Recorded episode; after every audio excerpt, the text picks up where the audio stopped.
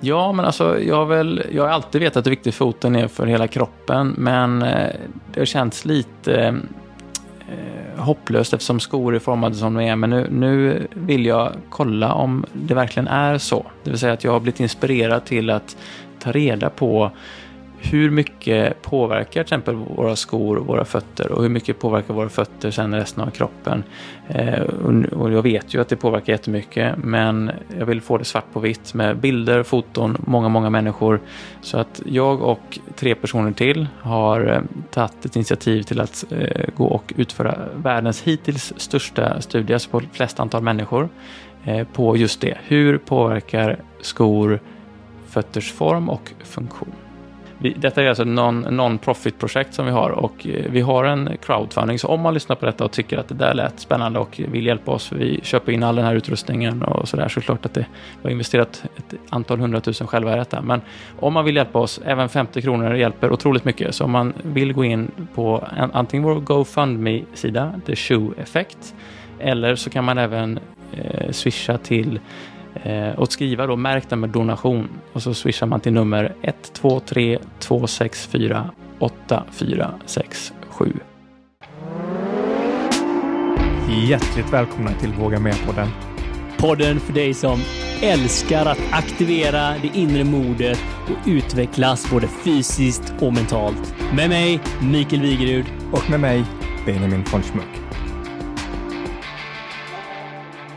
Idag är vi tillbaka med ett kärt återseende i podden. Eh, många av er har ju återkopplat på de här avsnitten där vi tog och tittade på kroppen från, för många, ett lite nytt perspektiv. Och nu är han ju tillbaka till våran stora glädje här, den här fantastiska terapeuten, kroppsarbetaren och innovatören som verkligen leder hälsoutvecklingen och välmående med kroppen i fokus. Men vi vet att han har många andra parametrar där också som samspelar för ett optimalt leverne. Och idag så ska vi förflytta fokus från kanske hela kroppen och snäva in oss lite grann och prata om de här mystiska, välomtalade men också många gånger bortglömda fötterna. Så varmt välkommen Rasmus Svärd tillbaka till studion. Tack så mycket och tack för det fina välkomnandet där. Ja, det är en stor ära faktiskt att ha dig här i, i podden. Och du har ju varit runt lite grann sen, sen senast och gästat lite olika poddar runt om i Sverige och det känns som att någonting är på gång kring dig och ditt tema. Och... Ja, nej, men det är alltid kul att, att, få prata om det man brinner för. Och, ja, precis, jag har varit inbjuden till lite olika poddar så. Men eh, nu är jag här igen. då måste jag fråga, vilken är favoritpodden nu då? Ja, när jag är med i er podd så säger jag att det är er podd som är favoritpodden såklart. Men när du inte lyssnar på Våga Mera, vad, vad, vad konsumerar du då i poddväg? Eh, nej, men jag gillar eh, poddar, alltså det jag gillar med er podd verkligen är dels namnet, Våga Mera. Alltså att utmana sig själv, att vara nyfiken eh, och att våga saker i livet. Eh, det är min nytolkning då av ert namn. Det, det tycker jag är det driver mig. Jag är väldigt nyfiken eh, som person och gillar att lära och gillar att utforska och eh, förstå. Sen kommer man kanske aldrig förstå alla universums mysterier, men att förstå så mycket som möjligt kring det vi kan ta på kring människokroppen är ju, driver mig framåt. Så att eh, det gillar jag verkligen. Så alla poddar som går in på förståelse och kluringar och sånt eh, gillar jag att lyssna på.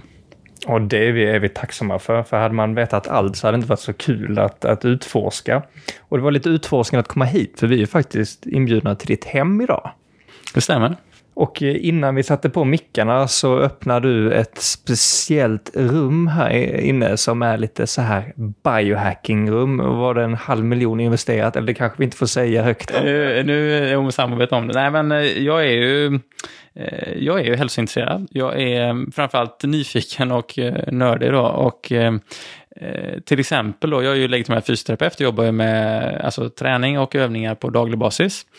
Jag har själv inga krämpor, alltså inga smärtor, ingenting som på det sättet bekymrar mig. Sen givetvis som alla så kan man förbättra saker i sin egen kropp. Så att jag är väldigt nyfiken av mig och eh, har provat säkert de flesta behandlingarna som finns där ute. Just, men också för att med mitt yrke kunna, om någon kommer till mig och säger att de har provat eh, akupunktur eller har provat eh, något som är mindre vanligt kanske, så vill jag ju kunna eh, referera till det och kunna veta vad det handlar om och inte stå som ett frågetecken. Så att jag ser det nästan som en del av mitt yrke att faktiskt utforska det som finns på marknaden. Och i det då så har ju såklart jag införskaffat även prylar. Det har blivit väldigt poppis på slutet, men jag hade det lite innan. Det blev en trend med eh, till exempel en rödlampa då, rödljusterapi. Så, eh, så det gör jag varje morgon faktiskt. Sitter en 10 till 15 minuter beroende på hur bråttom man har framför eh, den här rödlampan då. Så det är en sån helkroppslampa som, eh, som skickar eh, fina ljud eller ljusvågor eh, på kroppen som ska vara bra för allt möjligt. för det är lite kul, för nu sitter vi här tillsammans alla tre. Och vi har pratat om hälsa tidigare och vi har pratat om hacking och alla av oss gör ju någon typ av rutin. Eh, Mikael, du har ju till exempel hela meditationen och mycket av det. Och det är en form av hacking. Och nu fick vi ju se dina prylar och jag håller på med mitt skit, höll jag på att säga. Så det är ju rätt kul att, att, man kan hitta folk som har gemensamma intressen så här. Och det ska vi utforska lite mer idag, just specifikt om, om fötterna. Och har man inte lyssnat än på ditt gamla avsnitt. Det är ju faktiskt två stycken avsnitt. Vi gjorde en analys på dig också Benjamin och det är ju, det är ju fantastiskt att se på de här månaderna vad som har hänt med din kropp. Både hur mycket mindre du klagar över smärta i din rygg och bröstrygg, men också hur din hållning faktiskt har justerat sig. Har man inte lyssnat på det så rekommenderar vi det varmt. Postural teknik är väldigt intressant. Eh, jag tycker terapiform låter lite konstigt egentligen, men optimeringsform, eller hur skulle du säga Rasmus? Ja, men alltså det är ju skräddarsydd, eh, skräddarsydda korrigeringsövningar. Eh, som, det, är, det är lite som ett, eh, alltså det är inte tunga vikter, det är inte marklyft och sånt, även om jag hjälper många att klara av till exempel marklyft och tuffare träning på ett bra sätt så är det ju eh, ja, små verktyg, yogamatta, yogablock, är i princip det man behöver för att klara övningarna och det som är skräddarsytt balanseringsprogram eh, för att eh, optimera prestation, kanske framförallt de flesta kommer för att bli av med smärtor och krämpor ehm, och skapa balans i kroppen, att återskapa det som vi alla föds med, vilket är en naturlig funktion. Det vill säga att tittar man på små barn så rör de sig lätt och ledigt i kroppen. De har ofta inga krämpor, de är studsiga i kroppen och mycket energi. Eh, de är glada om det inte händer något, eh, så att säga. Och, det låter inte som beskrivningen av en vuxen tjänsteman. Jag måste säga det här. Jag, jag, jag såg en, eh, en rolig bild som var så här, efter du är 30, står det så här, your free trial of the body has ended. Men det var roligt, jag var på gymmet igår, så var det, på tal så stod de och körde benpress, två killar, och så och så sa han, men du får lägga på lite mer nu. Så, så ställde sig den här killen upp. Han var ganska vältränad och biffig liksom. Så såg han i hans ögon typ liksom så här, att energinivån gick ner. Så han sa, du får faktiskt tänka på att uh, jag är 30 nu. ja. His trial has ended. Livet var över liksom. Ja, men då säger jag det att då jobbar jag med folk som är över 30 som vill, vill eh, inte känna sig som över 30 och de som är yngre än 30 som, som också vill må bra kanske. Så det finns hopp. Men det är intressant den här liknelsen med barn ju. Och nu är vi ju i prime sommartid, semestertid. Uh, med, med, med, barn så tänker man ju massa energi, sommarlov och vad många förknippar med sommar när man var ung, det var ju det här att springa ut barfota. Verkligen. Och det är bra. Det, det, är väl bra, men det leder ner lite till fötterna. För någonstans tänker jag, därifrån att man är barn, har en relation till fötterna, springer barfota, medvetet eller omedvetet, men det är en naturlig del av, av livet.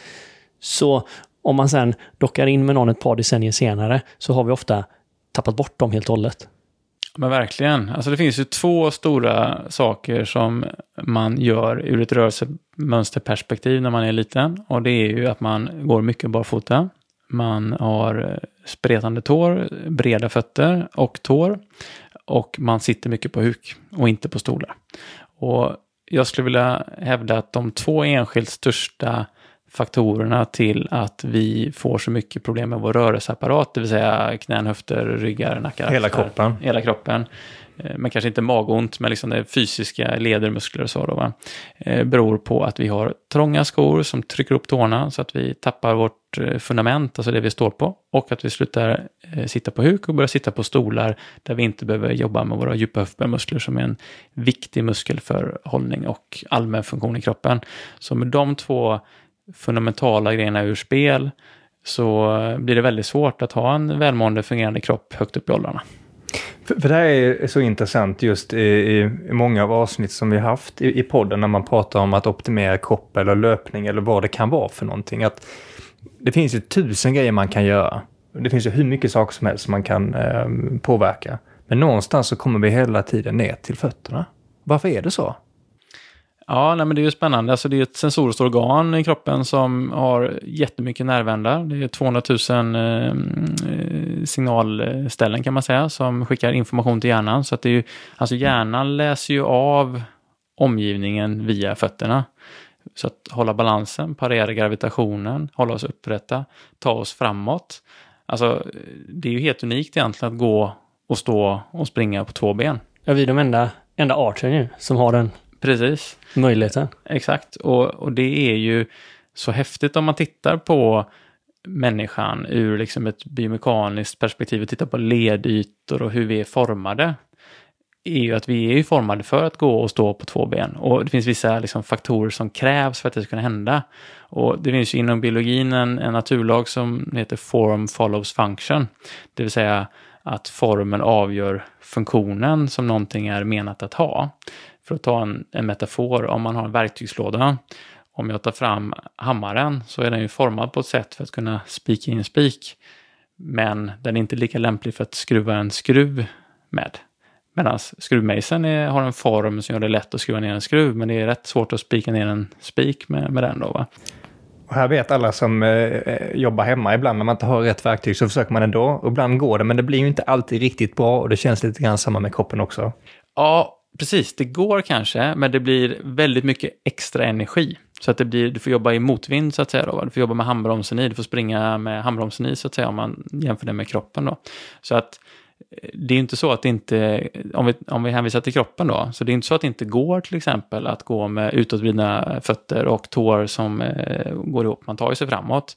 Men rent biomekaniskt och rent energieffektivitetsmässigt så är det ju mycket smartare att ha fötter som pekar rakt fram och tår som är raka då. För det är till exempel då en sak som skiljer oss mellan, mellan oss och till exempel schimpanser som har, de har ju tår som liksom är snedställda på ett annat sätt just för att de ska kunna greppa de, de klättrar lika mycket med fötterna som med händerna så att säga. Då, va? De svingar sig fram med grenar och så. Men alltså vi människor har ju då evolverat för att ha tår som pekar rakt fram så att de kan ha, så de kan vara en hävarm för att vi ska ta oss framåt eh, till exempel. Då. Så att det, det är ju verkligen så att formen avgör hur, det är, hur vi kan använda kroppen. Då. Faktiskt, jag vill bara lägga in där, jag såg en sån här minidokumentär om eh, det var en, en, en, by som levde väldigt eh, som en tribe om man säger så. De levde i skogen och klättrade jättemycket och då hade tårna faktiskt ställt sig med ut mot sidan. Man börjar titta ner på sina fötter. Man kanske har skor på sig eller man har inte skor. Eller så här. Men om man bara rent estetiskt, om vi börjar enkelt egentligen, hur ska en fot se ut? För jag tänker det är svårt att hitta role models eller modeller för foten. Mm. Ja, till att börja med så kan man ju notera, om man, om man ställer sig upp och tittar ner på sina fötter, så kan man ju notera att dina fötter, eller de ska i alla fall inte vara symmetriska. Det vill säga att stortån och andra tån är ju längre för de flesta människor än lilltån till exempel. Då. Det vill säga att det är en icke-symmetrisk form på foten. Helst så ska tårna vara bredare än den bredaste delen på framfoten. Det vill säga att foten ska vara smalast vid hälen kan man säga. Och sen så ska det vara, liksom om man drar en linje från hälen till lilltån och fortsätter den. Och sen från häl, alltså utsida häl till lilltån och insida häl till stortån. Då ska det bli som ett V kan man tänka. Så att de linjerna ska liksom, sluta på bredaste stället. De ska sluta på bredaste stället. Så vid tårna ska det vara bredare än vid hälen om foten har en naturlig fotform. Så om jag, om jag försöker tolka det så, där tårna börjar, där ska det vara som bredast från stortå till lilltå. Man skulle dra ett streck. Ja, egentligen kan man säga till och med där tårna slutar ska det vara bredare än där tårna börjar. Så tårna, alltså man tänker att lilltån och stortån ska liksom peka bort från varandra. Ja. Okay, okay. Vilket för de flesta nu kanske kräver att man muskulärt separerar om det ens går då. Vi, vi kommer ju komma tillbaka lite till hur en modern fot kanske inte ser ut så här. Precis. Men om man tittar ner på sin fot nu så ser man, det är inte så på min fot. Det är sannolikt att man ser att det inte är så på sin egen fot, ja. För du som ser extremt mycket fötter, det är ovanligt att se en... Det händer en på hundra i bästa fall. Benjamin, jag förpekade på dina fötter. Benjamin kanske behöver hjälp att tolka sin fot. Om man tycker att den var en, en på hundra. Men, men, men, eh, Nej, men det är väl det här som gör ämnet så sjukt intressant. För att du säger, du, du ska få säga lite mer varför det är viktigt innan vi zoomar in på dina fötter, Benjamin. Men... Men, men jag ska säga Benjamin, de, de är ganska bra ur det perspektivet. Men, men vi kan till och med rita av den sen och visa, så kan vi lägga upp det så ni som lyssnar får se eh, hur Benjamins ut. Jag har alltid haft lite så här apfötter faktiskt. Jag har Ja. varit väldigt duktig på att liksom greppa saker så här med min fot. Nu visar jag på en filt här. Men vi ska lägga upp dem på Instagram där, så vi kan ha den som referens. Ja, så ni som har missat mina fötter, don't fear out. Det kommer... För Jag tänker så här, må- många tycker, nu fick jag Benjamins fot här i ansiktet, och det är en sån grej, typ så här att det är äckligt med fötter. Alltså, är, är, är, var kommer det ifrån och är det det du som jobbar med fötter? Och, Alltså det är klart att vi som samhälle stänger in fötter i skor och eh, luftar dem inte så att säga. Och eh, jag tror att det blir att något man inte tittar på så ofta eh, blir lite o, ovant att se så att säga. Om man jämför dem med kulturer där man kanske alltid går barfota så tror jag inte de har samma hang-up kring, kring fötter. Eh, då hade det varit mer som händerna eller vilken kroppsdel som helst. Det är, Liksom. min, det är min tanke i alla fall. Men, men, eh, och det är klart att det kan hända saker med fötter. Man kan ju få eh, alltså, problem, eh, alltså vårtor och fotsvamp. Det finns ju massa saker som kan hända med fötter. Men, men eh, om vi bortser från det så, så är det nog mer, sitter mer i huvudet om man tycker det är äckligt eller Ja, men det är väl en conditioning, alltså det är något, Ja. något inövat vi får från kultu- kulturen Ja. eller liksom, vad det nu kommer, att det är äckligt med fötter. Och då är vi nog ändå inte mest extrema. För tittar man till, till exempel mot USA så är det ofta vanligt att man har skorna på sig även inomhus. Alltså i hemmet. Mm. Ja, Sverige är ju ändå, jämfört med många länder, bra att vi går åtminstone i, i strumporna i hemmet då. Så det är ju relativt sett eh, bra för foten. Den får ju mer träning i strumpor än i skor. Men, Men så, vi- om, om vi kommer, för vi var ju där och tittade lite nu. Är det något mer att säga när vi ändå tittade ner på foten nu? Det ska vara brett framme vid tårna. Mm. Sen vill man ju, man vill helst se ett litet utrymme mellan stortån och den andra tån. Och det går ihop lite med att om det är brett eller inte. För att då kommer, om det är ett utrymme mellan så är det antagligen så att stortån inte ligger kloss an med de andra tårna då va. Så man vill alltså att stortån, om man står upp och har båda fötterna framför sig, så vill man att stortån ska peka mot mittlinjen. Så att stortån ska vara lite vinklad mot mittlinjen på båda fötterna. Alltså. Så stortårna ska peka mot varandra och inte mot de andra tårna. För om de pekar mot de andra tårna, då har man en mild eh, hallux valgus, heter det. Sen, sen eh, ni som känner igen hallux valgus-termen tänker kanske på en farmor som har en stor knöl på stortån som eh, svider och gör ont, för det är den medicinska termen. Men, men egentligen så betyder det att så fort stortån är ur neutral position då böjer den sig lite mot de andra tårna och då blir det så att säga en valgusställning på stortån. Då. Så funktionellt sett skulle jag säga att 90 procent, om inte mer, i, i, i ett svenskt modernt samhälle har den här snedställningen. Och det gör vi för att underlätta så lägger vi den första länken eh, som ligger under det här avsnittet. Det är en bild som eh, Rasmus kommer att rita till podden för att liksom visa hur detta ser ut. Ni kan använda den bilden när ni kollar på en fot för att avgöra lite grann hur det ser ut. Om man, om man tycker så här, okej, det, det är lite så här, okej, det här låter lite nördigt, men, men, men varför ska man... Liksom, vi har ju många som vill äventyra, folk som vill ut och springa, folk som vill naturen, alltså som vill våga mera, liksom leva sina liv fullt ut. Eh, varför ska man då bry sig om sina fötter? Mm. Men om vi återgår liksom till, till evolutionen och tittar på vad vi människor har evol- evoluerat till så är det ju att gå, springa och röra oss framåt. Då, va? Och om man tänker biomekanik så vill du ju ha hävarmar som, som tar dig framåt. Så till att börja med att ha fötter som pekar rakt fram och tår som pekar rakt fram ger det ju helt andra biomekaniska liksom, fördelar mm, jämfört med motsatsen. Då. För om fötterna bör vrida sig utåt Dels så blir det ju mycket större sannolikhet att tårna också då liksom böjer sig bort från mittlinjen, alla tår, inklusive stortån. Och då, då blir ju, det blir inte samma, alltså kraftingen försvinner lite stort, eh, liksom i tårna är ju liksom hävarmen, så istället då så rullar man in, man faller in med fotvalvet kan man säga, så fotvalvet blir ofta lågt och så blir det ofta att man kollapsar lite genom foten och så får man inte samma frånskjut så att säga. Man skulle kunna likna det lite vid att om jag ska eh, om jag ska flytta en stor sten med hävarmsprincipen och använda mig av ett spett så vill jag ju ha en rigid hävarm, alltså det ska vara ett stumt spett. Jag vill inte använda ett gummiband, då händer ju ingenting, då är det omöjligt att utföra ens. Eh, eller ett bambu, bambuträd är svårare än ett stålspett. Det ska vara styrt så du får så mycket kraft som möjligt så du kan Exakt, exakt. flytta stenen. Och desto mer tårna hamnar ur position, desto sämre hävar han med dem för gångsteg, löpsteg, vandringssteg och allting. Då, va? Så att det är ju en liksom, biomekanisk förutsättning för egentligen att fungera så energieffektivt som möjligt som människa, att, att fötter och tår pekar eh, rakt fram. Så man landar alltså på utsidan av hälen och så ska man rulla därifrån till stortån och skjuta ifrån med stortån. Det är det som ska hända både vid gångsteg, eh, ja, löpsteg är lite annorlunda, men, men gångsteg så ska du landa på hälen utsidan och så rulla över till stortån och från stortån skjuta ifrån. Det är det som helst ska hända då. För att det ska vara en mjuk inbromsning och så ska du få en frånskjut med stortån för en hävarm och, och eh, en bra, ett bra frånskjut. För att förklara hur viktigt det är med stortån så på den tiden man hade slavar i världen så kunde man hugga av, hugga av stortån på eh, människan och då kan inte människan längre springa. Den kan bara gå. Så att stortån är så pass viktig för att du får liksom inte, det går inte att springa utan stortån så att säga. Eh, och då är det någon som sa, hur, hur kunde de veta det på den tiden? Men jag tror inte att det är så elegant, utan jag tror att man kanske högg av alla från början och så märkte man att då kan de inte ens eh, gå eller jobba eller någonting. Och så högg man av den ena och sen den andra och så märkte man att hugga av stortån, då kan de jobba, de kan gå, men de kan inte fly eller springa. Alltså så horribelt. Hur, hur märkte de det för? Var det lite grymmare testprocesser än vad man har idag? Det var inte... Men kanske också att man studier. hade mer kontakt med fötterna. Så att det var mer självklart. Kanske. Alltså nu, det här var ju bara en hypotes. Alltså det var någon som sa till mig liksom att, eh, för jag, jag tänkte själv, hur kunde de veta det liksom? Ja. Men, men sen var det någon som sa, de visste nog inte, de provade sig nog. Ja, trial and error Ja. prövad Det, det är nog, de har nog inte satt en PhD-student på det Nej, men man, gjorde, man klippte alla. Det är ju som att klippa alla fingrar. är ju mer obvious då, men då blir det ju svårt att göra någonting. Men klipper man bara tummen, eh, då har man ju viss funktion. Men mm.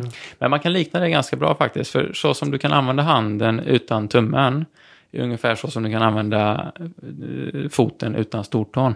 Så tummen och stortån har ungefär procentuellt lika stor vikt för eh, liksom hand och fot. det är ju väldigt intressant. För, för att liksom, tummen är ju typ halva människan, höll jag på att säga. Men utan den så kan vi ju inte använda några redskap i princip. Det typiska greppet då blir ju...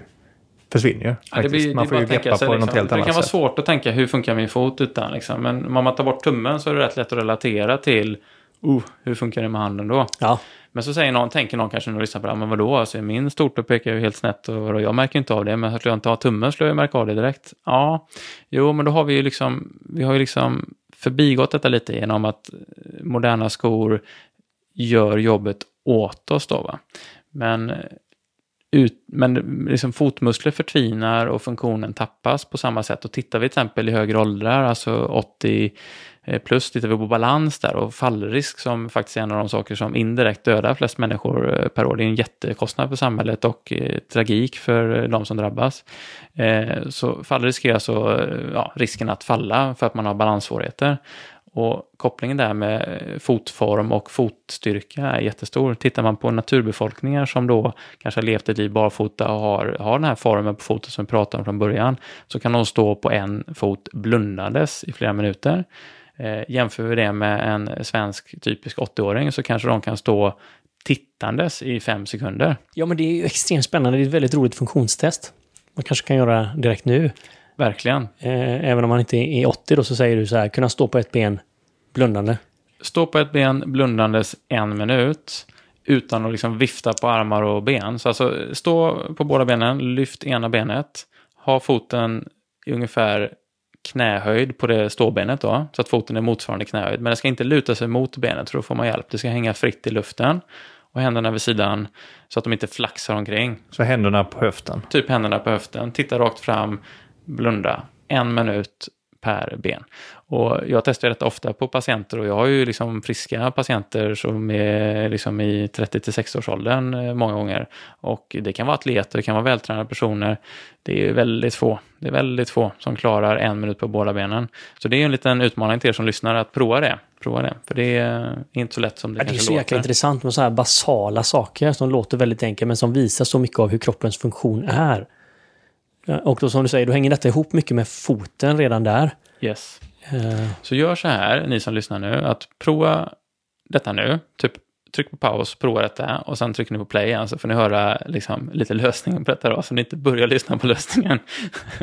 men, men, eh, eller så gör ni det. Men, men så här är det då att om ni provar balansen på ena, så tar ena foten, sätter i den och så gör ni, gör ni så att ni trycker upp alla tårna, så att ni, ni verkligen trycker upp tårna. Så att de blir tvärt emot spretande då.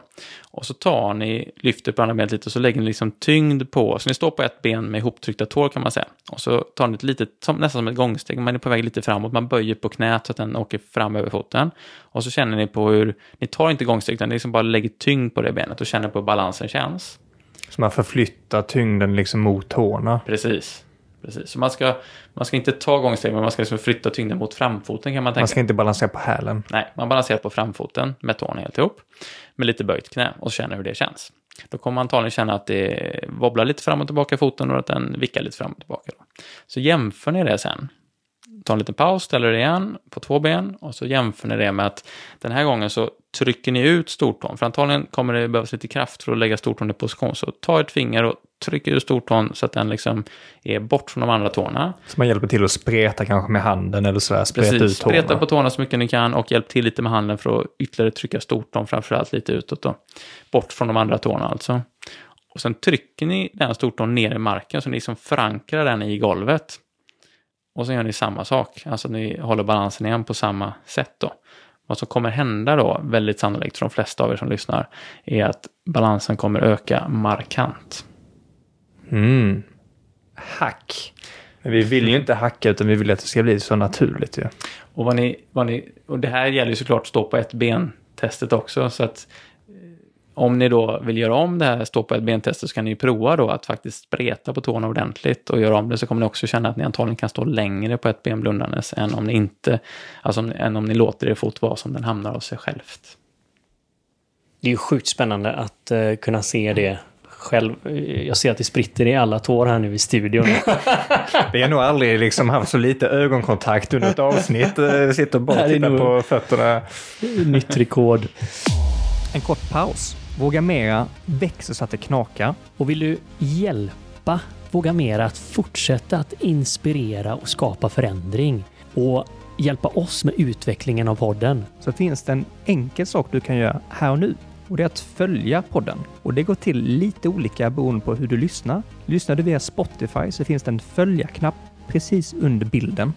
Och lyssnar du till exempel via Apple Podcast så finns det ett plus uppe i högra hörnet. Så tryck där så är du alltid uppdaterad när nästa avsnitt kommer ut. Och givetvis fortsätt att vara den inspiratören du är. Men, men, det är så mycket som hänger samman och det hänger så mycket samman med skor som vi varit inne på. Alltså barnen som vi var, som var ute och sprang barfota på somrarna, kände berg, kände vatten, kände kyla, kände värme. Det är som att det blir en rädsla liksom, eh, att möta naturen bar när man blir äldre. Och eh, du var inne lite på att prata hur, hur liksom gångsteget skulle se ut, att man rullar från hälen och, och så framåt. Men det har varit väldigt inne och trendigt att prata om löpsteget. Både hur det ska se ut ju, men jag kan inte låta bli, vi skrattade lite här innan vi satte på mikrofonen. Jag vet inte hur många av oss som har stått i exklusiva löpbutiker. Ansett sig vara liksom en, en eh, avancerad atlet kanske. Och stått där med tjocka sulor, titt, sprungit på löpan, hört att man har kollapsade fotvalv och fått massa stöd och pronationer och uppbyggnader. Och det är typ, alltså det görs kanske fortfarande, men, men kommer vi se mer av detta eller mindre tror du? Jag hoppas ju att den trenden kommer försvinna lite för att jag tycker ju att den är lite förlegad. Eh, man kan ju säga att skobranschen i stort har ju liksom, vi kan komma in lite på, eh, vi kommer tillbaka till det, historien kring hur skor utvecklas från första början, så påminner man om det. Men om man tittar på skobranschen modernt, så har ju den liksom mer och mer gått till att skon ska göra jobbet, så att foten inte behöver göra det. Alltså det, man kan rulla fram med, så att skon så att säga gör jobbet åt dig. Eh, till exempel stortån lite uppvinklad för att man bara ska rulla fram. Så att säga. Hälen är lite formad på ett sätt som man ska bara rulla fram. Då, va? Så att det finns liksom två sätt att, att, göra saker på. Att antingen har du ett hjälpmedel som får dig att klara av saker. Eller så tränar du upp din kropp så att kroppen blir stark och klarar av saker. Då, liksom. Det är lite de två spåren. Och människokroppen är ju gjord så att liksom, det vi inte använder det förtvinar. Liksom. Use it or lose it stämmer ändå ganska bra. Det märker man om man inte har konditionstränat på Ska vi flytta ner det här? Jag tycker inte vi har två stycken valmöjligheter här, utan den ena är bara kortsiktig fusk faktiskt.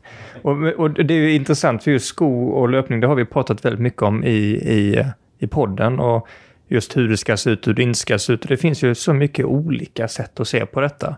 Och jag menar, går vi tillbaka i tiden, vi kollar på gamla Kina, när man tejpade fötter på speciellt unga kvinnor för att man tyckte att det skulle vara en liten fot, för det var vackert. De kunde ju inte gå. Så någonstans här förstår vi att vi kan ju på något sätt påverka fötterna extremt mycket med vad vi har på oss.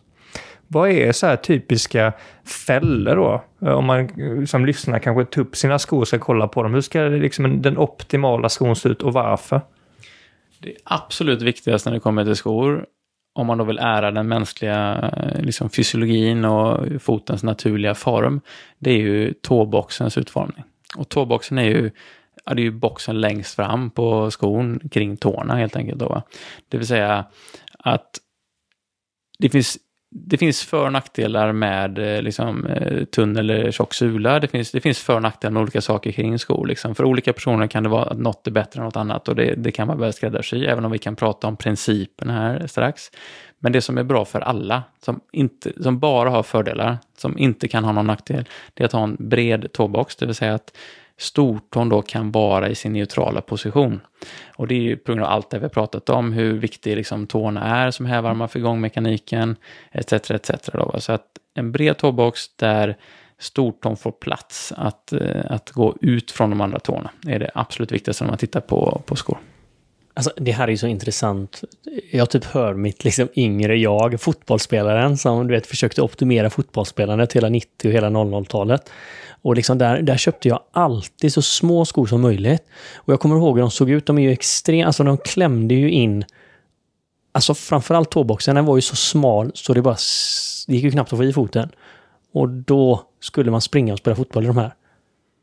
Ja, ja, nej men alltså fotboll är ju, det som är komplext med fotboll är att du ska ju också använda foten för att sparka på en boll. Ja. Så du ska inte bara springa framåt. Så att om, alltså, om man pratar bara springa effektivt så är det definitivt bara en nackdel med en smal tåbox. Så i löpspåret blir det enkelt? I löpspåret är det enkelt, allt i princip. Men just fotboll där du ska då sparka på en boll, då har jag själv spelat, jag har ju spelat fotboll som alla gör, men jag kan inte avgöra om det hade varit lika lätt att liksom skruva en, en frispark med en sko med en bred tåbox. Det, det, för det blir ett liksom prestations... Alltså det är en sport. det blir ett till, och det kan inte jag egentligen svara på rakt upp och ner heller. Men vi kan konstatera att det är inte en optimal sko för hälsan av fotbollsspelaren eller för personen då. Nej, men och konsekvensen av att man spenderar så mycket tid i de här är ju att man formar om fötterna, precis som du sa med de kinesiska kvinnorna. Man gör ju en sån shaping ja, ja. Och, och tar uh, bort Alltså man blir ju en sämre löpare.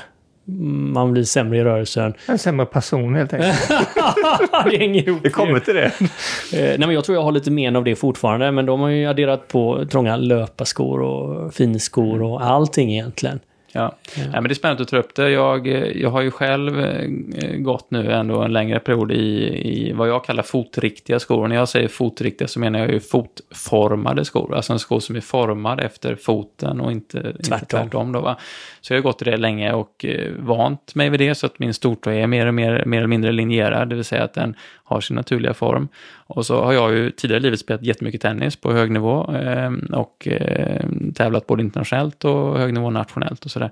Och spelade faktiskt tennis igår eh, för första gången på några månader och tog fram mina tennisdojor då för att jag har ju bara klassiska tennisdojor och just de här, den här modellen hade dessutom extra smal tåbox, alltså verkligen smalt mellan tårna. Extra snygga. Extra snygga, precis. Och då, ja men det var en sån fascinerande känsla för att bara stoppa in i dem känns ju helt fel när man har vant sig vid att stortån då ska vara i position. Det känns ju verkligen som Alltså för, att, för er lyssnare då, så det skulle vara som att sätta på sig en handske där fingrarna ligger helt omlott. Alltså trycks in i en för liten handske och ligger helt omlott. Det känns liksom bara fel i hela kroppen. Den känslan var det att stoppa i foten i de här skorna. Och sen då, det som direkt händer är ju att eftersom stortå stortåns stöd försvinner så kommer fotvalvet relativt sett falla inåt. Och när fotvalvet faller inåt, då kommer knäna falla inåt. Alternativt så tas belastning och kan man säga tas belastning på insidan, alltså musklerna på insidan av knät. Så beroende på liksom vad som bygger upp själva skon det är ju det som foten hamnar på. Beroende på hur foten hamnar så kommer det påverka både då knäna och bäcken. Och... Exakt, så vad jag direkt kände, vilket jag aldrig känt förut när jag spelat tennis, är att jag fick mycket belastning på insidan av knäna. Ehm, och nu spelar jag en timme tennis och njöt av den ändå såklart och jag har inte något ont idag eller så i knäna. Men jag har relativt välfungerande kropp. Men jag kan verkligen se jo, men hur... Du kan ju också känna extremt subtila nivåer här. Precis, och jag är nördig och van att känna efter. Och för, jag, för jag tänkte faktiskt ställa en fråga till dig Mikael. För nu, Rasmus jobbar ju med det här. Det är ditt levebröd också, på men du, så du vet ju direkt vad som händer. Men både du och jag har bytt skor sedan ganska lång tid tillbaka och faktiskt via podden. Känner du någon skillnad nu? Har du fått på dig någon gamla skor nu på senaste och liksom känt att äh, det här? Ja, men det har varit kul för jag ser ju dig eh, hela tiden när du har kommit i dina breda. De ser ju lite konstiga ut fortfarande, eh, de här breda. Men, men, men jag kan verkligen eh, själv, eh, har jag reflekterat över, jag försökte spendera lite mer tid i breda, men jag tycker fortfarande att det är svårt att hitta någon snygg modell. Det ser lite kajko ut. Eh, men så har jag ändå mina typ lätta Adidas sneakers, vilket jag innan tyckte var en extremt bekväm sko. Och tyckte det var lite extremt att ha den på jobbet, för det såg liksom väldigt avslappnat ut och sånt. Så. Och nu skulle jag ta på mig dem då, det kändes som lite mer som finskor. Och jag fick samma upplevelse. Vad i helskotta hände med mina tår här? De känns ju helt inboxade. Och innan så skulle jag säga att då hade min kropp sagt, åh vad, vad skön den här skon är. Vad luftig den är. Ja men verkligen och, för mig var det, nej men för mig var det väldigt spännande. För jag vet ju visserligen om teoretiskt att det ska bli så här, men det var spännande att verkligen få känna det i sin egen kropp så märkbart då med en sport som man har spenderat så många timmar med. Jag har stått tiotusentals timmar på tennisbanan liksom. Och det var verkligen en, en, en, en, eh, en påtaglig sensation och det känns helt fel. Så jag, jag, bytte faktiskt till mina andra skor som egentligen är mer promenadskor då och spelade några minuter i dem också. Och det var ju väldigt skönt för stortån och för knäna. Men det är klart, de är ju inte gjorda för sidoförflyttningar på det sättet så att de är inte stabila i, i, i liksom maxrush åt sidan. Så jag bytte sen tillbaka när det var poängspel sen så bytte jag tillbaka. Hur har det varit för dig Benjamin och, och som, du går till och med till kontoret väl i fotriktiga ja, jag, jag, jag, har det. Jag har försökt hitta den mest low-key modellen som liksom funkar på, på kontoret. Enda gången jag bytte tillbaka till läderdojorna, det var på riktigt finmöte i Japan. Då, liksom då tog du fram myggjagarna. Mm, och då är liksom läderskor och sånt, ni som har skor som ni har haft ett tag, ni vet att de formar sig lite grann efter foten. Så att den jag hade, hade jag haft under lång tid och det var liksom min typiska finskor då Eh, var min daily driver kan man säga innan. Och det var ju samma känsla, det kändes väldigt instängt vad, vad jag tänkte på. Um, och vad jag blev lite så här ledsen över, det var när jag skulle åka skidor och testa mina pjäxor som är formgjutna till min fot och precis samma grej där. Det gjorde riktigt ont alltså. Och då är det ändå att liksom, en formgjuten pjäxa ska ju sitta bra utan att man spänner den hårt. Jag kände ju att liksom, jag, jag kunde knappt spänna liksom, det där första spännet längst fram vid tårna för att eh, den, den var ju gjuten efter min gamla fot så att säga. Men, för, för jag tänker, det, det, är väldigt spännande här. Vi ska, jag, jag ser att Rasmus han är lite ivrig också för att säga något om det här med eh, gjutning och formgjutning, för det har ju haft väldigt hög status. Men jag tänker innan vi hoppar in där, vad som är så himla intressant egentligen, liksom så här, varför spenderar vi så mycket ord här om fötterna? Men så du pinpointade så himla bra egentligen förut, för typ alla som vandrar, springer och sånt, så man får ju oftast inte direkta problem med fötterna, men man får ju ont i knän, ont i höfter, ont i ländrygg. Och vill man, och vill man förstå hur, hur viktig foten är för resten av kroppen så kan man ju bara antingen prova eller bara känna utifrån när jag förklarar nu. Om man ställer sig upp och hoppar lite på stället, alltså typ om man tänker sig att man hoppar hopprep fast utan hopprep, man bara studsar lite på stället. Och då känns det förhoppningsvis ganska okej okay i fot, fötter, knän, höfter. Om man nu provar att istället göra samma sak fast man hoppar på hälarna, så tror jag att det räcker att jag säger det för att man inte ska vilja prova det. För att känns... Det var min... Bam, bam, bam, det, det, det första känslan, vadå hoppa på hälarna? Det går väl inte? Nej, precis. För vad händer när man tar bort, när man hoppar på hälarna? Då tar man ju bort fotens fjädrande funktion. Är det den hävarmen vi pratade om innan? Ja, hela den här liksom sviktinbromsningen som ska ske från häl. Alltså när man landar i ett gångsteg då på hälen så ska ju foten, den ska ju, den ska pronera för att bromsa och den ska förlänga sig för att bromsa krafterna då. Va? Men om man hoppar på häl då blir det ingen inbromsning, då blir det bara en stum då, reaktion. Det känns nästan som att eh, om man tänker hur benet är, att det blir liksom som en stöt som går rakt upp genom båda benen så att säga. Definitivt, och tänk dig att du då har ländryggsont eller kanske ryggskott. Vill du hoppa på hälarna då? Tror inte det. Sen kanske man inte vill hoppa på tå heller om man har ryggskott, men om man har lite lagom ont i ryggen och hoppar på hälarna så gör det garanterat mer ont i ryggen än om man hoppar på framfoten lite mjukt försiktigt. Då. Så, att, det, så att om inte foten tar upp belastningen när man går eller springer eller vandrar så måste ju något annat göra det. För kraften kan ju inte bara försvinna, så då blir det ju benhinnor, det blir knän, det blir höfter, det blir ländrygg. Och då kommer man till dig eller någon annan sjukgymnast eller terapeut och, och säger att mitt knä är slut eller fungerar ja, inte och längre. om man, om man går till klassisk vård så finns ju risken då att man, att man eh, har ont i sitt knä och så får man knärehab i sex månader och har inte löst problemet. Det vill säga foten. För problemet sitter inte i knät. Ja, men det här är så sjukt. Och då kanske man opererar knät eller man uh, börjar Ja, någon annan. Eller efter ett tag så kanske man måste.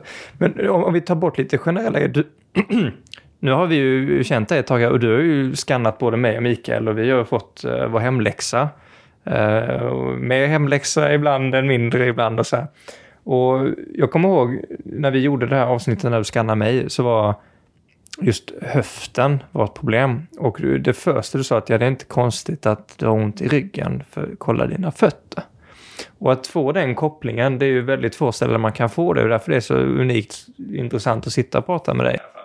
Ja, men jag tycker att ni båda har ju definitivt fått bättre funktion i, i, i kroppen. Eh, och eh, fotposition ser absolut bättre ut. Och, eh, och sen får man komma ihåg att det är en, en aspekt av hälsa. Det finns klart andra aspekter av, av hälsa och må bra också. Det handlar inte bara om eh, linjering i, i kroppen. Och det, och, och det handlar ju också om hur du sviktar och hur, hur flödar det i kroppen och sådär. Men på något sätt, och det är bara att titta på naturen, function follows, form follows function. Alltså formen avgör funktionen. Så har vi, det är ju ren biomekanik, desto mer huvudet åker fram framför axlarna, desto mer måste nackmusklerna spänna sig för att hålla huvudet i position. Det kommer att bli en ökad belastning. Får alla ont av det direkt? Nej, alltså en del klarar det bättre än andra. En del kan ha ett helt liv och kanske inte få jätteont av det. Men och det, man har ju olika genetiska förutsättningar, olika parametrar och det finns ju annat. Kost, näring, stress. Stress ska vi inte prata om, eller liksom inte glömma.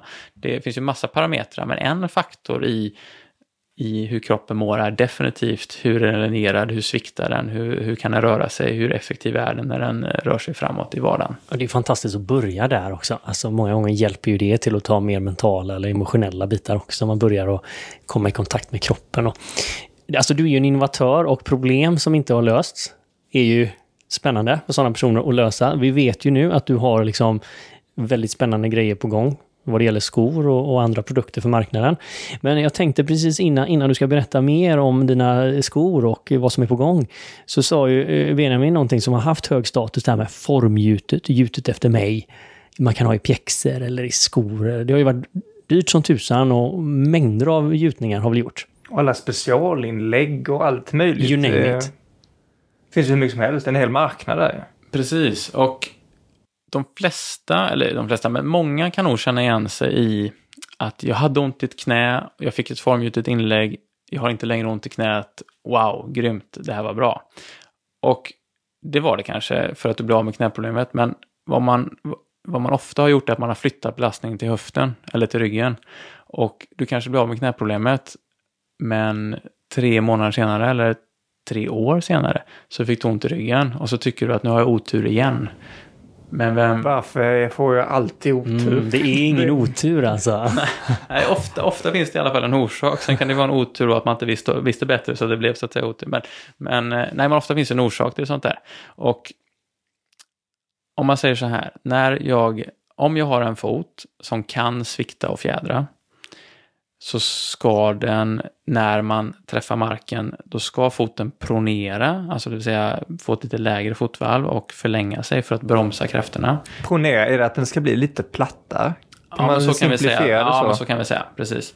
Och, eh, och det, det är vad som ska hända naturligt. Det som inte ska hända är att foten ska kollapsa. Det vill säga en överdriven då pronation eller överdrivet lågt fotvalv. Så att den liksom...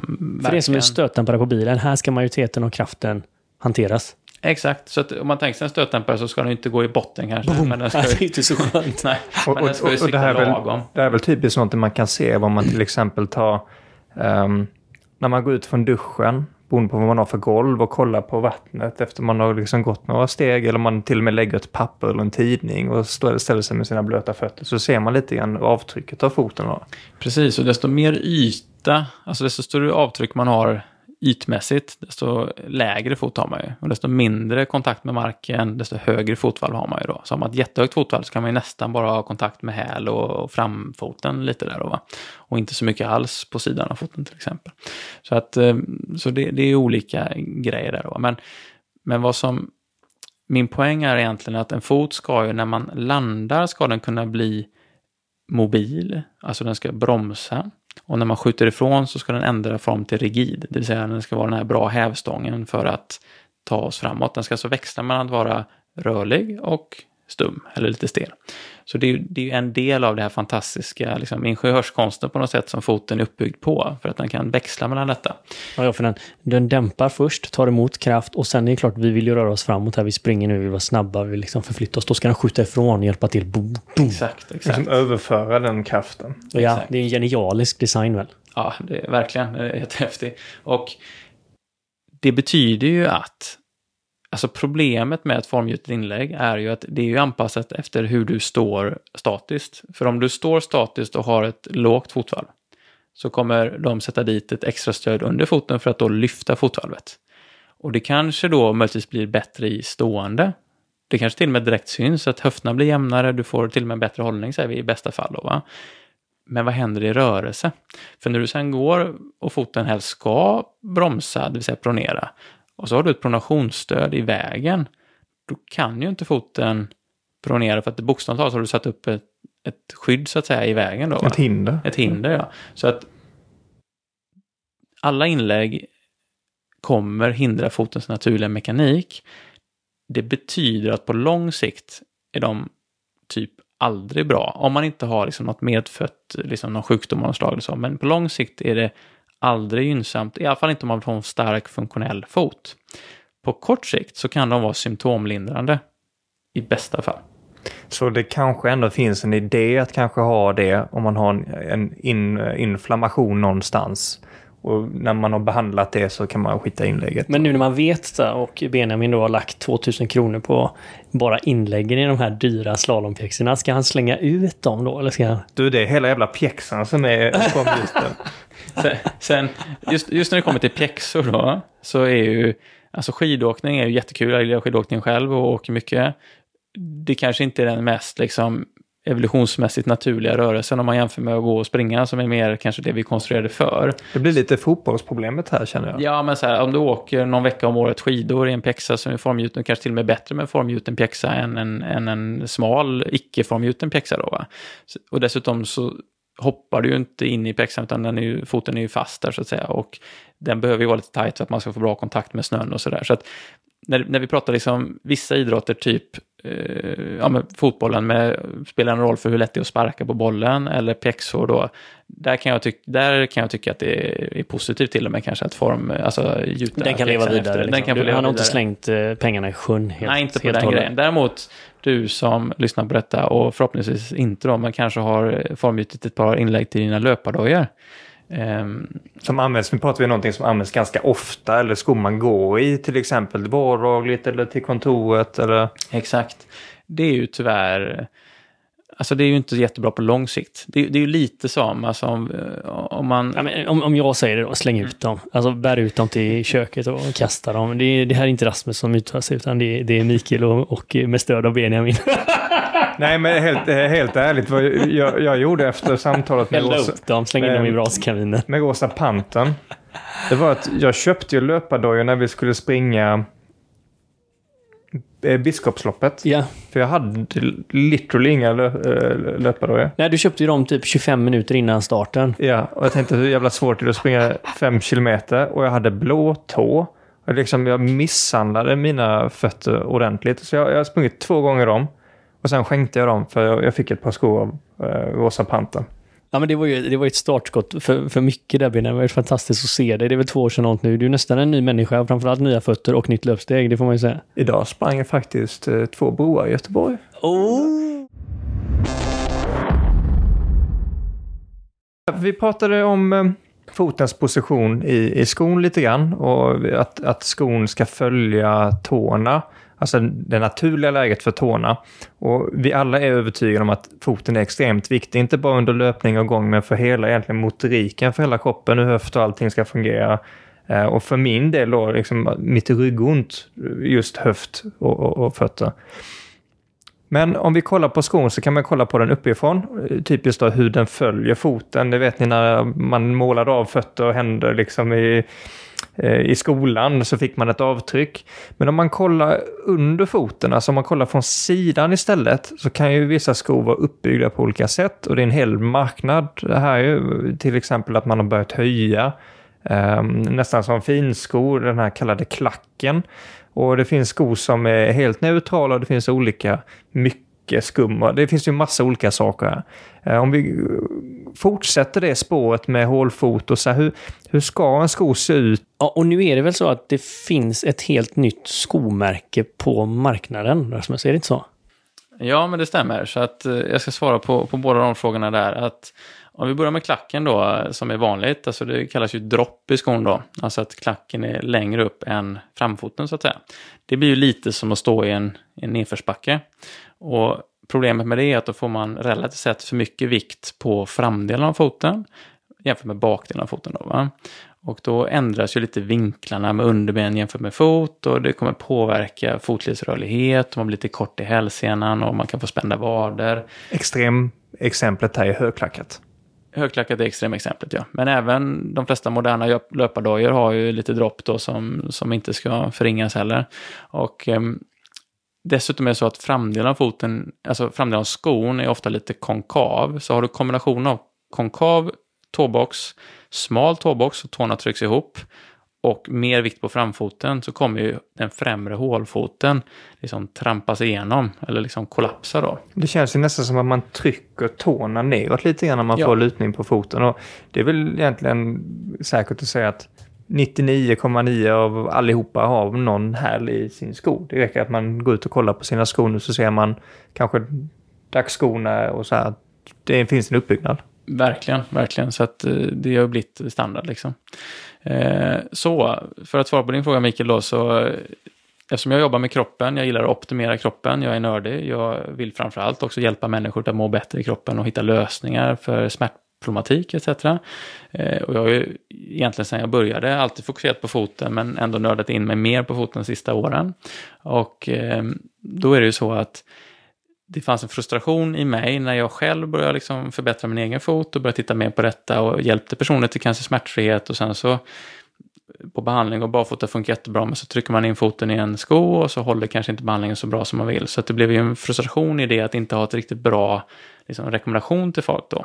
Och tittar man på skobranschen i stort så fanns det ju liksom de här jättedämpade klassiska kanske gympadojorna eller, eller högklackat eller alltså sådana saker då som, ja, som Nike, Adidas, ja. you name it, alla de stora märkena. Ja, alla stora märken har ju samma princip. Och dessutom en smal tåbox då. Så att jättedämpad sko, smal tåbox Eh, var ett alternativ i stora drag. Det finns ju varianter på det, men i stora drag. Och även om någon säger att de kanske har en New Balance som är bred så kan jag säga att den är inte bred eh, om, om ni jämför. Eh, ett lätt test är så här, ta ur innersulan ur er sko, lägg den på golvet, sätt er egen fot ovanpå innersulan, spreta på tårna och sätt ner tårna i marken. Om era tår är bredare än innersulan, då är skon för smal för er fot. Det är ett jättebra exempel. Det tycker jag alla ska göra faktiskt. Det, blir, det blir dyrt för garderoben känner jag direkt. ja.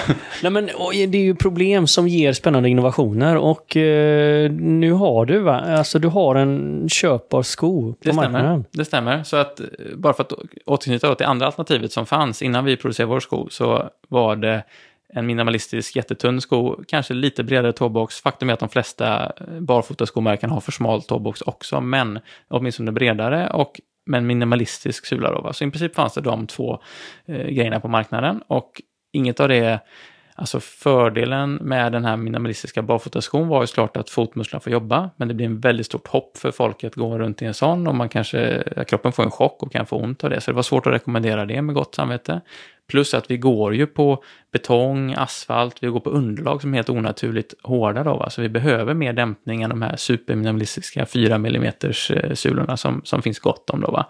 Medan de här lite tjockare dämpade skorna som kanske är skönare att gå på asfalt och betong, de eh, har en smal tåbox och trycker upp på fot och gipsar foten så att den inte kan eh, jobba som är tänkt. Då. Så i den frustrationen då så, så har en innovation fötts. Det är ju ofta där det kommer genialiska genombrott och idéer ju. Ja, ja, och jag, jag tänkte, det var jag, det är jag och brorsan som hade dragit igång detta och vi tänkte ju, worst case är att vi åtminstone får skor till oss själva och släkten liksom som fungerar. Så, eh, men nu har vi lanserat eh, skorna, eh, så vi har alltså skapat ett skomärke som heter Wide Footwear, eh, alltså W-Y-D-E, som, ja, det är ju nästan som bred på engelska då. Så att, eh, men, eh, och det finns, eh, ja, det finns att köpa. Vi sålde faktiskt slut första lagret på de tre första dagarna, så det var en jätte, jätterolig start. Men nu finns de i, i lager igen eh, och hemsidan är då www.widefootwear.com. Eh, och den skon, det som är bra med den då är att den är en hybrid. Alltså det är inte en jättetunn minimalistisk barfotasula, men det är inte heller en jättedämpad tjock Nike-sula, utan det är mm, eh, en hybrid, ett mellanting då. Va? Och den har då framför allt alla de krav för att foten ska kunna jobba, alltså stärkas på ett naturligt sätt och jobba på ett naturligt sätt. Det vill säga en bred tåbox, en böjlig sula så att stortån kan jobba som det är tänkt, både positionellt och med musklerna. Då, va? Så att bara gå i den här typen av skor under sex månader, 70 procent av tiden, stärker fotmusklerna med 60 procent enligt studier. Då? Så att det är, det är gratis träning av foten bara att eh, vistas i dem. Då. Det, är, det är en promenadsko, första modell, så det kommer komma flera, men det är en promenadsko, så det är inte om man inte är van vid att springa barfotaskor så kanske man inte ska springa i dem, men man kan absolut promenera i dem, man kan ha dem i kontorsmiljö, kanske till, eller man kan gymma i dem också, men kanske inte för mycket sidförflyttningar, så gör man jättemycket grupppass och sånt och hoppar i sidoplan. Kanske ingen tennis eller badminton. Nej, men tennis och badminton och sånt, eller innebandy är de inte lämpade för, men liksom typ knäböj på stället, utfallssteg på stället, eh, den typen av träning går jättebra och eh, promenera i vardagligt går jättebra. Ja, det är så coolt. Ja, det, och det behövs. Det här behövs verkligen. Du nämnde ju här barfotaskor. Jag gick över ett år i kanske det enda märket som finns som faktiskt har en doja man kan gå på, eller en doja man kan ha på kontoret, Viva Active. Och det, det känns ju väldigt hårt när man går med en sån. Jag fick inga problem, men det är många som har fått det. Jag kommer ihåg att vi pratade eh, väldigt länge och ingående med Rosa Panten om det här och jag tror att han är jätteintresserad av de här nya dojorna från Wide. Mm, ja, så att det här behövs ju. Och om man tänker så här, de, de, de flesta, eh, om man kanske kallar det löpardörrarna som kommer ut nu, de har ofta någon neonfärg på sig. Man ska se att det är en löparsko. Hur ser de här ut? Kan man ha de här på kontoret? Eh, ja, alltså nu är det klart att jag är partisk eftersom jag har varit med och, designat dem då. Men, men, det är klart, formen är ju annorlunda vid en första anblick eh, eftersom det är en bred tåbox. Eh, man ska komma ihåg att de ser ju som värst ut uppifrån, det vill säga den vin som man själv tittar ner på dem när man tar på sig dem, för då tittar man ju rakt ner på sina ja, fötter. För det är ju det som är när man tar på sig första gången de här breda skorna, alltså vilken modell som än är. Det, det ser ju lite kalanka chocken ut. Precis, precis. Så att eh, många känner så. Det, det märkliga är ju då att för mig då, det är så mycket som är perception, mode och ja. vana. Så att för mig nu tycker jag att det ser helt skevt ut med de här smala tåboxarna. Då, för det, och dessutom vet jag ju att det inte liksom följer den mänskliga anatomin. Så att det, det, det blir väldigt skevt för mig nu. Så att för mig har det börjat ändra sig i skiftet. Men, men jag tror att det, det gör det med tiden. Men eh, det är verkligen så här att hedra också den chocken. För man undrar, det här, jag kan inte ja, ja. gå utanför min lägenhet. Den här, Jag tror den här chocken var lite olika så för olika personer runt det här bordet. Ja, ja nej men precis. Nej, men jag, jag, förstår den känslan helt. Vi har ju försökt göra dem så neutrala som möjligt, det vill säga inga skrikiga färger. Vi har en eh, helvit modell, vi har en helsvart modell. Eh, vi har en eh, blå och vi har en, en rosa. Men, men de är ja, de blå-rosa kanske sticker ut lite mer, men, men de helvita och helsvarta skulle jag säga att, jag skulle till och med säga så här, att går man på stan med eh, våra modeller så det är inte så att folk vänder sig om och liksom, vad var det för en kalanka sko Det som man kan göra med vissa andra barfotaskor liksom, och verkligen sticker ja, ut. Som verkligen sticker ut. Ja. Men det här mellantinget bara kort då, liksom, som, som har fått stort uh, genomslag nu med Unimble och Altra och liksom löpskor som är bredare. Är, är de uh, hyfsade eller bra eller dåliga? Eller? Som, som det ser ut just nu på marknaden så tycker jag att Altra löpardojan är den som jag rekommenderar mest. De har tyvärr för smal tåbox om man har en bred fot. Alltså, du som lyssnar kan ju ha en smal fot. Alltså man har olika bredd på foten rent genetiskt. Ja, det ser man bara nu när jag och Mikael sitter bredvid varandra att jag har ju bredare än vad du har. Precis, så man kan ha olika, olika bredd på, på fötterna. Och Alltså testet för att veta om den är bred nog för dig är egentligen att köpa på tåspridare eller tåseparerare eh, som man sätter mellan tårna så att de spretar på sig så det blir ett litet utrymme mellan varje tå. Då kommer foten automatiskt linjera sig. Man har på sig dem och stoppar i sin fot i sin sko. Om man får plats komfortabelt med dem på, då är skon bred nog. Så det kommer finnas människor som kan ha Altra-skor på sig och det känns jättebra och då är de breda nog för dig. Men det, tyvärr är det så att många, eh, inklusive mig, då har en, har en bred fot och det finns inte en chans att jag får plats i en Altra-sko med tåspridare på mig. Eh, och jag skulle tippa på att eh, om vi gör ett tester på Benjamin så går inte det heller då va? Jag har ju faktiskt ingen tåspridare hemma. Nej, men det får du köpa efter det Så att, här. eh, det här får ju testa. Vi ska kolla av med produktinnovatören här nu innan vi stänger helt. För det är ju din första modell, första skon som är ute. Kommer det komma fler skor och fler produkter? Ja, eh, den första modellen, eller det beror lite på om vi får sålt någon nu då. Det är vi helt övertygade vår, om. men vår tanke är, eller vår förhoppning är, alltså, till att börja med så all försäljning går bara, återinvesteras bara i utveckling av nya, nya modeller och nya skor. För det här är ju en, kanske mer en sommarsko då, den, här, den heter Hallux eh, 1.0, den första modellen. Men vi håller redan nu på att utveckla en löpardoja och vi håller redan nu på att utveckla en, eh, en lädersneaker också då. Va? Eh, och om du lyssnar på detta och tänker att det vore trevligt, så tänk då att du måste först köpa en Hallux så att det kan bli en sån sko. Nej, jag skojar bara. Men, men, eh, men det är klart att vår förhoppning är att släppa eh, fler modeller, definitivt. Jag är helt övertygad att det kommer att hända mycket. Alltså behövs det annat också? Strumpor och sånt? Eh, är det, eh, är det värt att tänka på? Ja, eh, vi, vi håller också på att utveckla strumpor just för att strumpor är också sydda på ett sätt att de drar ihop tårna. Så att man kan alltså ha jättebra breda skor, men för små strumpor på sig som drar ihop tårna. Och då får du också en marginell, och det kan man känna jättetydligt. Om ni tar över strumpan liksom och spretar på tårna, känner hur fritt det känns i tårna och sen sätter ni på er en strumpa så kommer ni känna att den relativt sett drar tårna mot varandra ganska mycket faktiskt, mycket mer än vad man tror. Så att det kan också vara ett första steg då om man känner att det här med att köpa en ny doja är lite sådär så kan man köpa eh, strumpor. Eh, eh, bra. Så vill man ha på sig tåstrumpor bekväm med det så är det kanon. Eh, det finns olika märken. Injinji skulle jag säga är det som kanske fungerar bäst. Tyvärr också kanske dyrast men det som fungerar bäst just nu. Vi håller på att utveckla strumpor också, både tåstrumpor men också framförallt brett sydda strumpor. Det vill säga strumpor som ser helt normala ut om man då inte vill sticka ut. Men som är brett sydda. Eh, de finns tyvärr, alltså skorna går att beställa nu direkt. Strumporna är på gång. Så håll utkik. Eh, man kan också följa på Instagram, Wide Footwear. Eh, där finns, kommer de nyheterna när strumporna lanseras så kommer det snart synas där också. Om man är sugen på det. Jag kommer ihåg, jag kommer ihåg när jag fick eh, första sån här tåstrumpor av morsan. Hon hade varit inne på detta och varit med Nathalie på varje steg och lärt sig om fötter och sånt. Och det, det, det var ju också så här kalanka effekten den såg ju helt kajko ut. Men när man har haft dem ett par dagar så var det ju väldigt konstigt att ta på de här tajta, snygga strumporna som verkligen pressade ihop tårna. Här- är jag, jag tycker själv att skorna är helt okej snygga även om de har bred tåbox. Men här är jag på din sida Mikael att strumpor, tåstrumpor, jag har ju själv på mig tåstrumpor just nu då.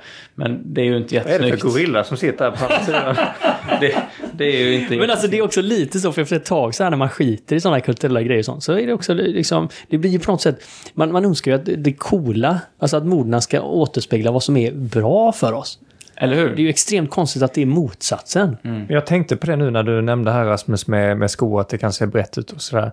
Och jag tycker att de skorna jag har nu, de, jag tycker de är jättesnygga. Plus att jag vet att de är funktion. Det är liksom de bästa skorna jag har haft ever. Så när jag ser andra så blir det också att då vet jag att den personen är medveten om vad de stoppar fötterna i. Så att det blir ju, det blir ju trendigt i Ja, ja, sig. det blir och ju speciellt, intressant att umgås med medvetna människor liksom.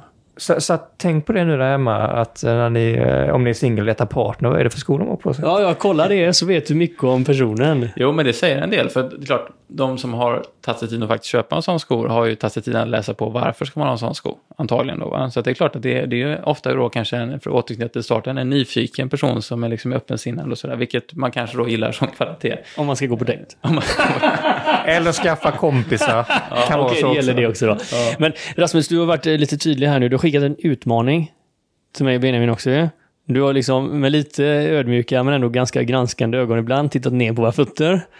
Ja, det känns som du nästan tittar ner på oss här nu Rasmus. Eh, Benjamin ville ändå skryta lite. Eh, var på, jag kände att ett viss eh, framgång kunde firas, men att det fanns förbättringspotential. Det finns en väg att gå så att säga.